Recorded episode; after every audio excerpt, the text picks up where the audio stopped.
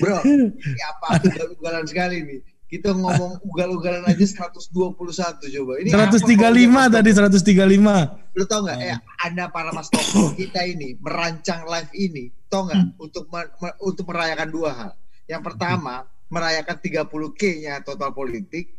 Yang kedua, kita merayakan ditahbiskannya uh, presiden elect Joe Biden oleh uh, electoral apa sidang electoral college sidang electoral college. Ya itu dia. Tapi boro-boro udah satu setengah jam kata Fajar ini gue udah cantengan ini gue. Ya. ayolah bahas bahas dikit lah politik dikit Amerika lah. buat pantes-pantesan kemudian ini bro.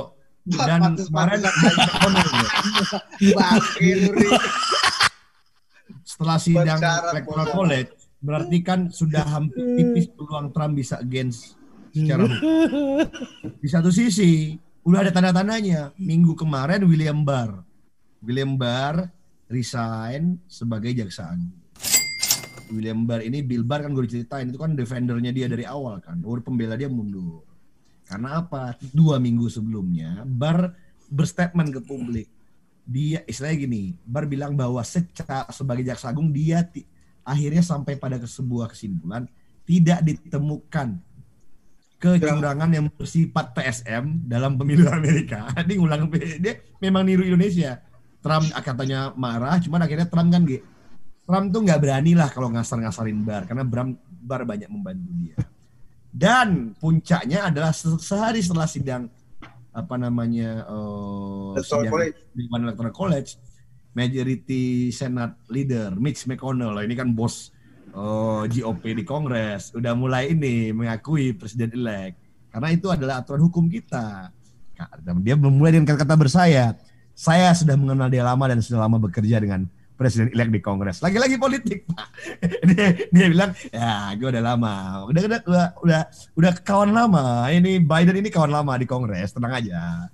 Dan mulai Mitch McConnell uh, ngebahasnya udah mulai ini kan bagaimana untuk program ekonomi semester 1 2021 untuk um, cash transfer lagi kan by partisan approach bla bla bla. Jadi uh, tapi Trump memang tampaknya tidak akan bergabung itu ke dalam klub paling mahal sedunia itu. Jadi mungkin dia diundang oleh uh, moderator grup uh, WhatsApp uh, uh, Presiden Amerika terus dia live sendiri di reject sama dia atau malah dia dia minta jadi admin terus yang lain di kick sama dia. Dia minta malah di kick tuh kan Bill Clinton Obama. Jadi ini ada di grup ini ya? Dan dia karena gue lihat ya sudah Trump oh, kita lihat bahwa ya yang gue udah pernah share sebelumnya uh, dia tampaknya tidak akan konsip, tidak akan membuat dia, dia pokoknya nggak akan ikut pidato-pidato kekalahan itu. Kemudian, oh ya sudah, tapi sesuai dengan tweetnya kemarin dia bilang udah mulai lagi dia bilang bahwa 98 persen pemilih Republikan percaya pemilu ini curang dan dia bilang 75 juta apa iya. namanya oh, sitting presiden tertinggi artinya dia memaintain aja pemilihnya dan agak menarik bro kalau seandainya jadi itu 20 Januari seandainya inaugurasi jadi dan nanti Donald Trump misalnya di Florida dia ngumpulin masa untuk apa namanya memulai kampanye dari 2024 atau yang mereka akan hidup dengan dua presiden konservatif presidennya Trump Republik liberal presidennya Biden. Nih ada yang nanya nih uh, apakah uh, sebenarnya kasus asli Hunter Biden saat ini yang diungkit dan hubungannya dengan Trump katanya. Ini dari Pada akhirnya gini bos, oh, itu yang gue bilang, ini chicken and egg dan akan panjang. Romain. Yang gue pernah bilang kemarin bahwa begitu hari pertama Trump jadi presiden, akhirnya dibikin cacat hoax Rusia, Rusia hoax, Rusia hoax. Di impeach lah di jalan dan akhirnya nggak berhasil. Dan gue pikir Biden akan dihajar terus dengan Cina ini. Pasti dia akan dianggap menang karena Cina karena Cina seperti Trump dianggap menang karena karena Rusia karena Rusia. Siap. Cuman tukar aja. Kalau kemarin yang teriak-teriaknya orang liberal, sekarang orang-orang konservatif. Dan hmm. ini ikhtiar Trump untuk menjaga nanti di gua nggak tahu minggu di minggu pertama Januari akan ada ini kan uh, di Georgia. Nah, apakah pemilihan dua kongresmen di Georgia itu akan bisa ngeflip Senat gitu? Nah, nah itu menarik juga. Itu kunci dan gua pikir ya itu akhirnya ini kan game teori ya. Dia kalau dia nggak dapat presiden ya dia akan gas terus. Tidak-tidaknya dia harus memastikan senat tetap majority. Karena kalau berhasil ngeflip ngambil dua atau tiga senat pindah ke ke Demokrat, wah happy sekali Demokrat. Udah nggak bisa ngatur-ngatur tuh senatnya dia, presidennya dia. Tapi kalau kongresnya masih oh saya I'm sorry, senatnya masih oh, oh GOP, lagi terjadi bahwa dalam menominate itu kan presiden elect itu mesti kirim ke kongres, senat kan. Nah akhirnya itu terjadi deal kan.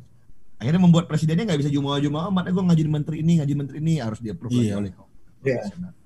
Iya. Kalau kalau misalnya kalau gitu uh, jadi makan gaji doang ya semuanya kalau jadi minoritas itu ya makan gaji aja kita bro.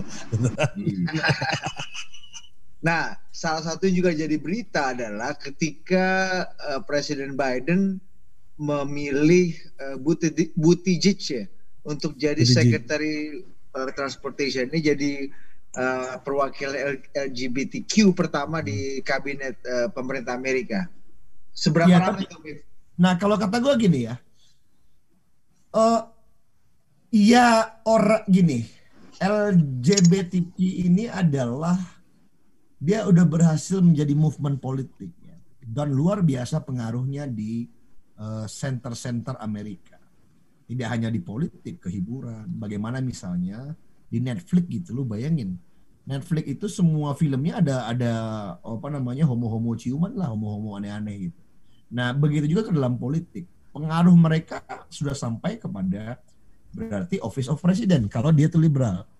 Tapi problemnya gue pikir itu akan mengentalkan Republikan lagi. Itu 75 juta tuh, tuh, tuh bener kan mereka gitu. Maksud gue, ya, ya, ya kita ya. lihat itu akan ya mungkin Biden merasa perlu menjadikan dia representasi daripada orang yang punya minoritas lah ya, minoritas. Ya, ini tapi ya eh, senang aja orang konservatif hmm, Nah, gereja-gereja akan bilang bener kan kalian udah udah ngaco nih oh, siapa Bidennya satu. Apa yang menurut kedua, memang menurut lo gini Mif, apakah memang ini culture-nya uh, liberal atau memang ini memang stylenya uh, Biden yang kelewat progresif?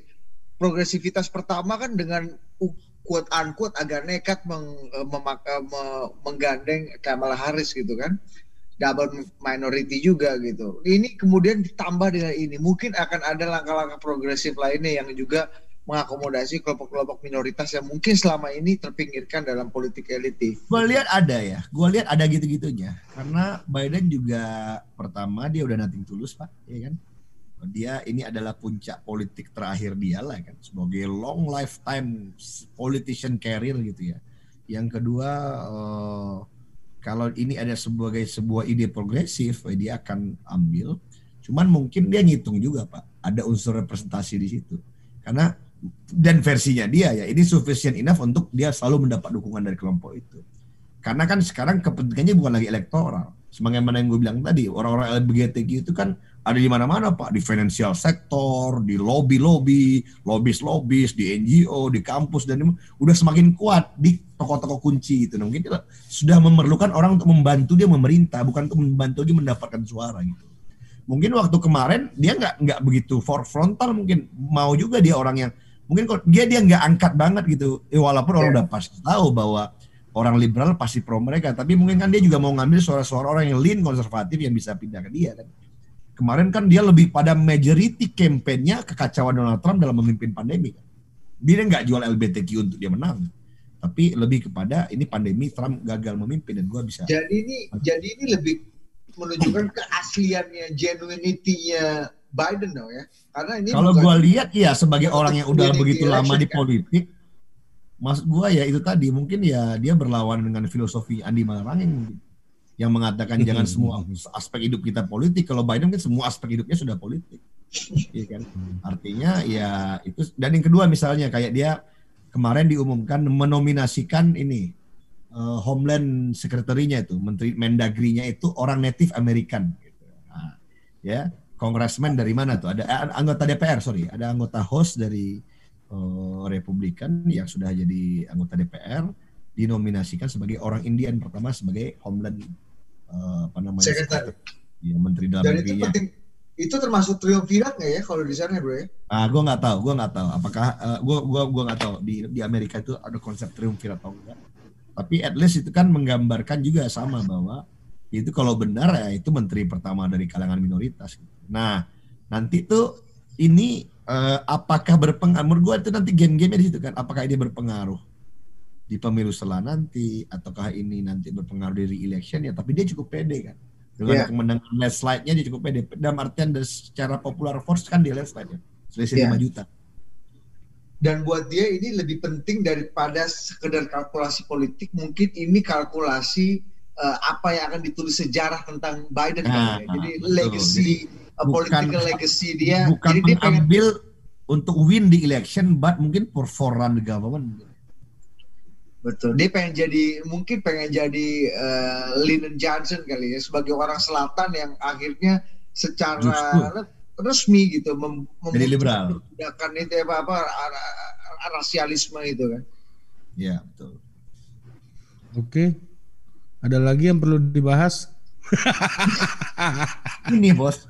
Kita sebagai sepertinya Jadi ini, Bos. Sebagai pantas-pantasan. Ternyata sekarang sebagai pantas-pantasan ternyata gini bos, tidak lebih akhirnya kalau gua rasakan secara aura nih bro, lebih menarik ketika kita membahas weton bro.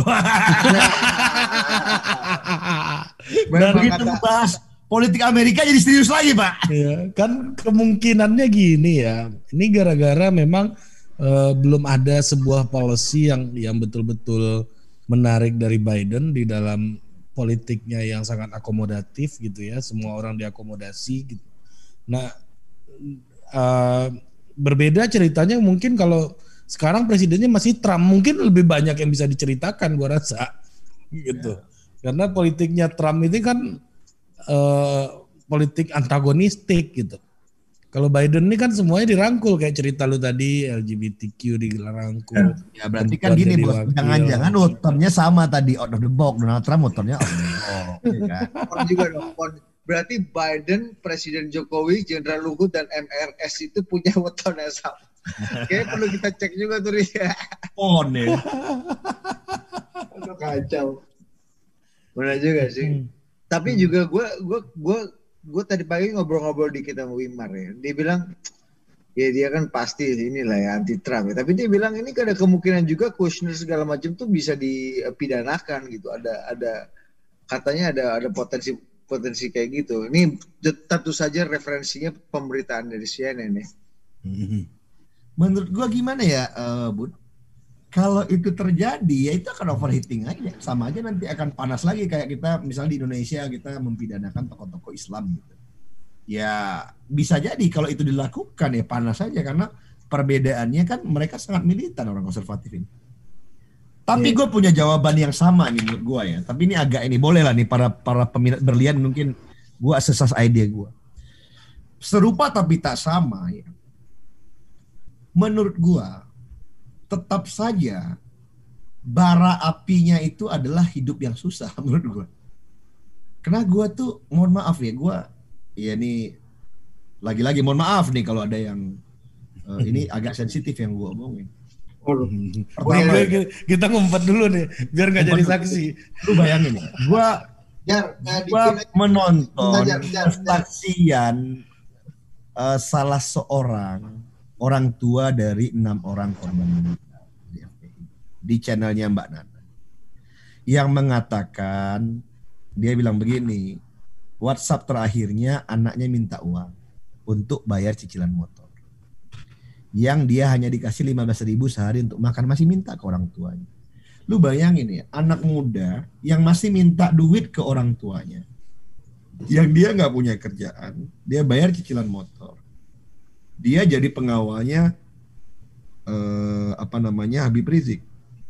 Nah, menurut gua berarti kan dia nggak punya kerjaan, bos. Kalau dia punya kerjaan mungkin dia nggak akan melakukan itu, dia lebih melakukan pekerjaannya itu gitu. Dan ternyata mungkin nih, mungkin gue salah nih, mungkin gue salah, sensitif, sensitif, mohon maaf. Iya dia terideologisasi gitu, menjaga dan mengawal imamnya, imamnya.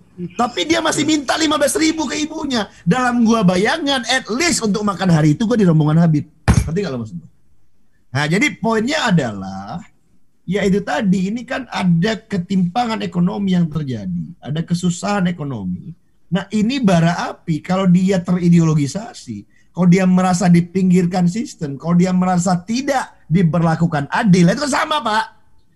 Orang konservatif di Amerika misalnya hidupnya lebih susah. Dia lihat imigran itu lebih, imigrannya itu lebih apa namanya lebih kaya dari dia. Dia merasa dipinggirkan dia di merasa diberlakukan tidak adil misalnya, dia akan jadi bara api. Nah, itu yang gue pikir agak-agak mirip.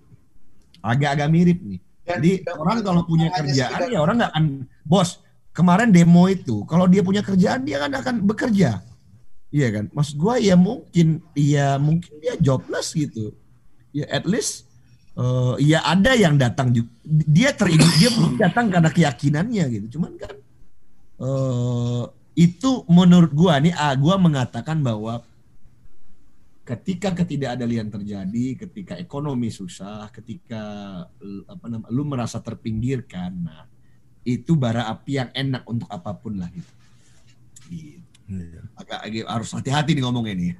Uh, Budi sama Ari udah mulai minggir. Mas Topo terbeda saya. Iya, dan, dan, dan Fajar sudah sadar harus mempin gambar yang mana kan Ya mau dipin yang mana pun tetap aja kita saksi-saksi juga dipanggil ke Polda, Bro. Bener juga ya. Tolong.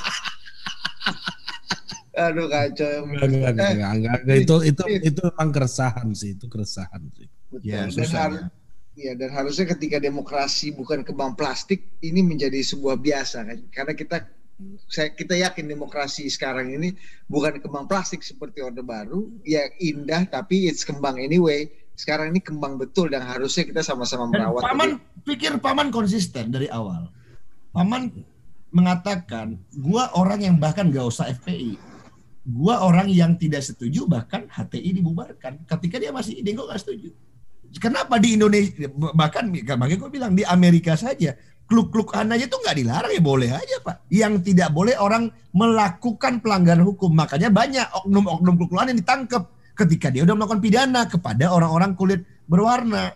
Jadi menurut gua ya ada benarnya yang dikatakan Munarman oknum FPI kalau dia mengalami radikalisme. Tapi, nah ini gue di siang lain. Nah, gue kan panjang nih diskusi sama Bibi Sap jangankan terhadap orang yang aktif dalam apa namanya organisasi bernama FPI yang bagi lawan politiknya dianggap kekerasan. Kita sebagai negara saja harus mender, menderadikalisasi orang yang terbagai terorisme. Dan gua orang yang mengatakan orang yang terlibat dalam terorisme itu enggak musuh negara, dia bukan enemy of Dia harus diselamatkan, di, diperbaiki. Dia dibikin deradikalisasi, dia dikembalikan ke pangkuan uh, ibu pertiwi. Iya. Ini agak berbeda cara memandang gua. Gua berbeda. Gua orang yang setuju. Yang sudah di itu dia masih anak Indonesia, Pak. Di orang Indonesia. Walaupun mungkin Pak dia udah membaiatkan diri kepada apa tuh yang di mana Suriah segala-gala. Ya, itu banyak yang korban bawa pulang deradikalisasi kembalikan ke pangkuan Ibu Pertiwi. Kan tapi ada yang mengatakan oh udahlah dia udah menjadi bagian sana ngapain lagi suruh pulang. Nah, gua beda nih. Nah, ini soal pilihan kebijakan. Kenapa? Dia sama kayak yang tadi. Kenapa dia terradikalisasi? Kenapa dia gampang dikomporin itu? Karena hmm. dia ya ya itu tadi merasa dipinggirkan, hidupnya susah. Ya okay. merasa diperlakukan tidak adil. Ah, nah, kembali ke hidupnya lebih baik. Sama Dan kayak itu, apa yang terjadi kelompok konservatif di Amerika. Amerika, iya. Sama. Ya. Nah, itu maksud gua. Budi jago deh. Membuat talk show ini menjadi aman jago Budi. Betul. nah, itu dia, Pak. Jadi artinya seorang Donald Trump nah. akan sadar Nah ini mohon maaf nih, for some point, nah, mohon maaf, jangan bukan gua mengatakan Donald Trump sama dan sebagun dengan Habib Rizik, enggak ya bro. Hmm. Tapi konservatif di Amerika, jangan sama-samain. Jangan sama-samain, ini konservatif ya. di Amerika. Ya, nah, makanya yang bisa lagi pemerintah liberal. Betul, nah ini gue bilang, kalau pemerintah liberal ini gagal membuat kehidupan ekonomi lebih baik, membuat orang-orang putih itu masih terpinggir oleh pendatang, kemudian ada ketidakadilan misalnya yang terjadi ya maka dia akan tetap ada. Gitu loh maksud gua. Jadi, Jadi solusi gua jangan sampai dilanjutkan dengan 12 tahun Obama dan Biden dengan kebijakan yang sama dan nah, jadi menurut gua sebaik-baik nah ini ah, ini ini, ini agak agak menjadi filsuf kita malam ini Ya. sebaik-baik pemerintah kalau menganggap praktek yang dilakukan oleh teman-teman FPI itu keliru Konservatif di Amerika. di Amerika Konservatif iya kan? di Amerika.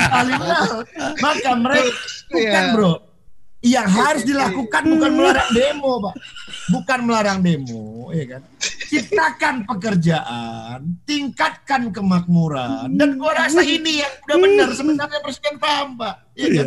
ciptakan kemakmuran tingkatkan ap- apa buka lapangan pekerjaan pabrik-pabrik di Karawang Ciamis itu ya kan di Amerika. Amerika. Lu tahu gak bro? Dulu itu, gue kemarin baru ngobrol sama Pak Teten Mas Duki.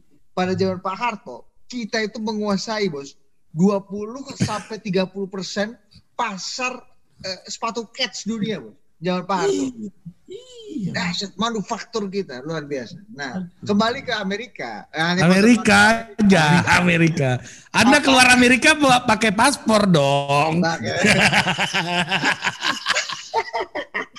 Apakah menurut nih gue gue mau tanya tadi kan gue ngobrol sama Wimar Wimar ini Kusner bisa dipenjarakan gitu-gitu. Jadi ada uh, unfinished pertentangan gitu. Ada ada ada ada konflik yang nggak finish. Nah menurut lu lu kan bisa bilang ini bara api bisa bernyala. Menurut apakah menurut lu ini bara api atau hanya residu-residu kecil-kecil dan akan terus menerus dari bara pemilu? api. Kata gua bara api. Wah untuk Sederhana, orang kayak Amerika yang udah Iya, berdemokrasi Bos, sederhana, Oh, bos. Gua bilang ya, wataknya punya lebih dari sederhana, 40 kacau. presiden.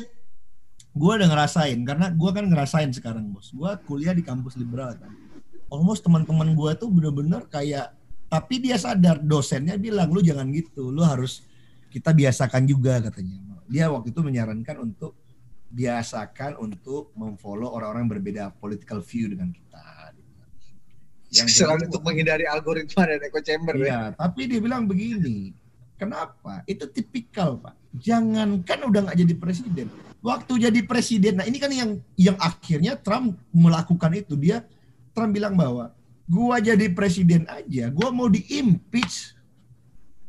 Kalau dia udah nggak presiden, mungkin aja Kushner dimasukin penjara. Tapi menurut gua orang konservatif akan marah. Bisa jadi itu kalah nanti pemilu setelah bisa kalah dia. Menurut gua ya. Bukan nggak mungkin nanti Biden bisa juga satu putaran, Mbak. Bos, kalau ekonomi ini gagal Biden, kalau pimpin nih Biden 4 tahun ya. Kalau dia misalnya terlampau akomodatif, ekonominya nggak jalan ya, kemudian ditangkepin Kushner, gua rasa dia bisa dibalas di pemilu selanjutnya. Dan mungkin nggak perlu Donald Trump mungkin Eh, ganti orang baru, tetap karena basisnya sangat loyal kan konservatif voters itu. Dan bisa jadi kalau ini presidennya bukan calon presidennya bukan Trump misalnya, partisipasi turun lagi kan. Akhirnya turun lagi partisipasi kan. Iya kan. Sementara konservatifnya tetap partisipasi gitu loh, Bro. Jadi menurut gua ya mungkin saja Kushner akan masuk penjara kalau dicari-cari salah gitu. Nah, cuman kan politik Amerikanya begini, politik Amerikanya benar-benar udah menjadi politik yang nggak kayak Amerika gitu loh. Menjarakan musuh lawan politik apa gitu. Halo? Aman? Nah, pas Paman, Ya ya, menurut gua seperti itu. bisa dengar? Oke, ini ada lag ya Paman. Ini sudah jam 2 nih, Ari kita baca bacakan dulu ya komentar ya. Ini ada yang lucu nih. Eh kan jam 2. Romain. Paman Sap, ini, ini ada bro. Paman Sap, cek weton Fajar cocokologi dengan Paman. Fajar juga jadi toko ini tadi. Wetonnya. Apalagi nih. Nih, Bang Ar Arput sama Bang Budi. Semua ini banyak komentarin kita nih kayak nonton bola nih kalian. Hmm.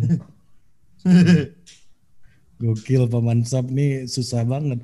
Kayaknya kangen kampung banget nih Paman Sap nih kan. Dikit-dikit masuk NKRI kakinya kan. Kita balikin lagi ke Amerika Bos. kan. Susah pak, ini udah winter pak, gua udah kedinginan ini. Ini minus 2 derajat pak sekarang pak. Dingin banget. Oh gitu ya. Pak. Iya, jadi itu Ya. mungkin membuat Dulu kangen kan di sana. Nah ini aneh nih. Biasanya Chicago ini kan selalu lebih dingin pak daripada New York atau daripada DC. Teman-teman yang di DC sama di New York udah salju-salju, kita masih kering aja nih. Gue bingung kenapa Chicago nih sekarang. Jadi Bro. Karena gue inget bro, film Home Alone itu Iya. base kotanya di Chicago dan film Home. Alone itu selalu saljuan. Bro, Bro, Homeland itu 15 menit dari rumah gua. Oh, Dari rumah ada gua. bener itu. Deket banget Rumahnya rumahnya dari rumah gua ini 15 menit. Nanti gua ke sana. Itu bener rumahnya, Bro. Ada Iya, rumahnya bener. masih kayak gitu. ya masih kayak gitu, cuman ada beberapa yang gak dirubah desainnya.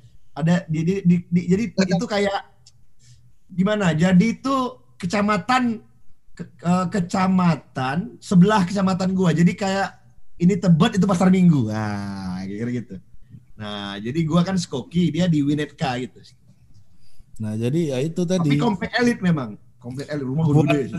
buat Anda yang belum pernah merasakan salju langsung saja ke Transno. Sudah ada di Bintaro dan Bekasi sekarang.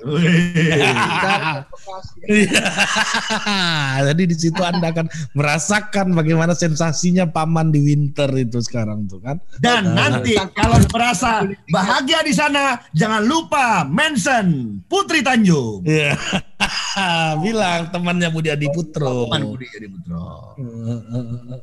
Gitu. Oke, jam sudah jam 2. Oke. Jadi tambah penasaran nih sama pemikiran Paman Sab mengenai FPI dan kawan-kawan di Indonesia. Ah, nanti kita bahas di webinar aja, webinar. Jadi ah, webinar aja, webinar.